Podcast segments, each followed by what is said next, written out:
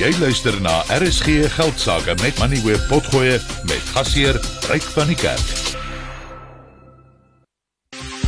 Vir die belangrikste sake nuus skakel in op RSG Geldsaake. Nou op die lyn is Edward Kieswetter. Hy is die hoof van die Suid-Afrikaanse Inkomste Diens. Edward, baie welkom by die program. Julle het 94 miljard rand meer ingesamel as wat julle in Februarie verlede jaar gedink het julle sou. Waar het hierdie geld vandaan gekom? Die laaste deel van die 94 moet nog ingevorder word. Maar nou ja, dis die beraming wat die minister van daarstel. Laat ek eers net sê die 93 miljard wat bygevoeg word, is goeie nuus want dit is 93 miljard wat die minister nie hoef te gaan leen en dan is daar ook dan die dienskoste wat spaar en dit is ook baie positief vir die fiskale raamwerk van die land. Waar kom dit vandaan?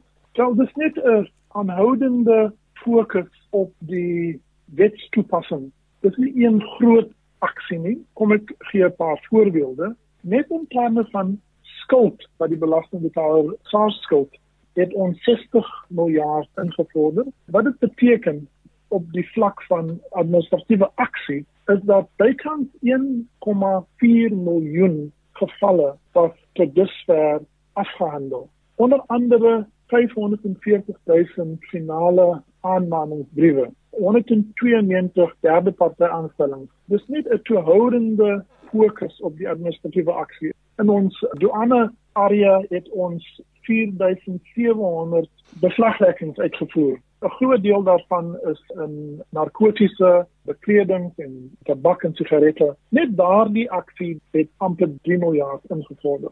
Dan het ons ook 'n toenemende fokus op dataverwerking en sogenaamde artificial intelligence en machine learning algorithms. Die werk wat ons daar doen, help ons om belastingbetalers wat bedrog teen ons wil pleeg, help ons om of bedrog of ontoelaatbare terugbetalings, refunds uit te betaal. Net daardie aksie het oor die 61 miljard rand teruggehou.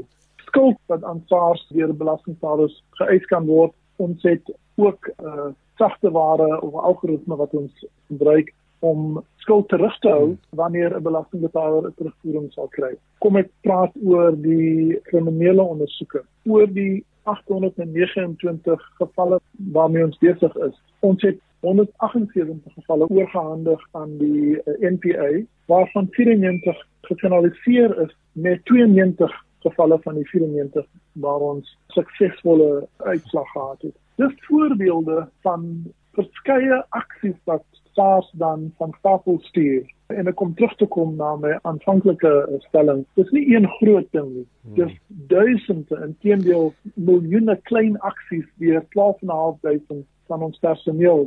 Inteendeel die 94 wat die minister noem, as ons al ons administratiewe aksies saamvoeg, dan tot die einde van Januarie het ons al reeds uh, 167 miljard ingevorder. Kyk, die inkomste diens het baie skade gelei onder die vorige bedeling. Jy is toe aangestel om nou daardie skip te draai en ek neem aan dis 'n baie moeilike skip om te draai want daar's uitstekende belastingkenners wat die diens verlaat het. Maar die fokus nou is op voldoening. Jy wil hê belastingbetalers moet hulle regverdige belasting of die belasting betaal wat hulle moet. Waar sal jy nou die voldoeningsvlak van belastingbetalers stel en hoe ver dink jy is jy van 'n ideale scenario af waar jy nie meer so met 'n sweep hoef te fokus nie, maar met 'n meer redelike benadering? Ons het al reeds grootendeels 'n redelike benadering. Ons het 3 doelstellings en ons voer dit werklik inderdaad uit. Ons eerste doelstelling is om meer en meer opvoeding en bekendmaking programme en opvoedingsprogramme en webinars en so voort te deel met belastingbetalers sodat elke een bewus en kennis dra oor die belastingpligtigheid wat hulle het. Die tweede is om dit makliker te maak. En byvoorbeeld daar het ons 3 miljoen standaard inkomste individue wat ons sê 'n seamless experience. Met ander woorde, hulle hoef niks te doen nie. Dit is 'n skynlose proses vir hulle. Ons stuur hulle boodskappe SMS en ons sê jou aanslag is gedoen, dit is die uitslag as jy saamstem hoef jy niks te doen nie. So dis nie net die doelstelling om hardhandig op die wet toe te pas met dreigemente of kriminele of siviele aksie nie. Ons begin eintlik met die aanname dat die meeste belastingbetalers is eerlik en hulle wil hulle pligte nakom en as ons hulle help, sal hulle dit nakom. Maar terselfdertyd enige belastinginvorderaars soos SARS moet ook seker maak dat hulle 'n geloofwaardige bedreiging daarstel indien 'n belastingbetaler sou probeer om die wet te breek of soms dit hulle net nalatig. En wat dit betref, kan ons nie meer sonder dataverwerking en kunsmatige intelligensie programme. Dit is net onmoontlik om die miljoene invorderings en verklaringe wat belastingbetalers indien om dit met ons personeel te verwerk. En dis hoekom ons die belegging in die investering van dataverwerking en tegnologiese platforms. Dit is 'n groot deel van die sukses wat bygedra word. Die inkomste diens kry se meeste geld uit persoonlike belasting en daar is groot druk op betalers van persoonlike belasting en die belasting is ook relatief hoog, maar daar's ook groot kommer dat daar baie mense die land verlaat en dat daar minder belastingbetalers elke jaar deel is van die netwerk. Wat is die situasie tans rondom persoonlike belastingbetalers en is jy bekommerd oor wat jy sien?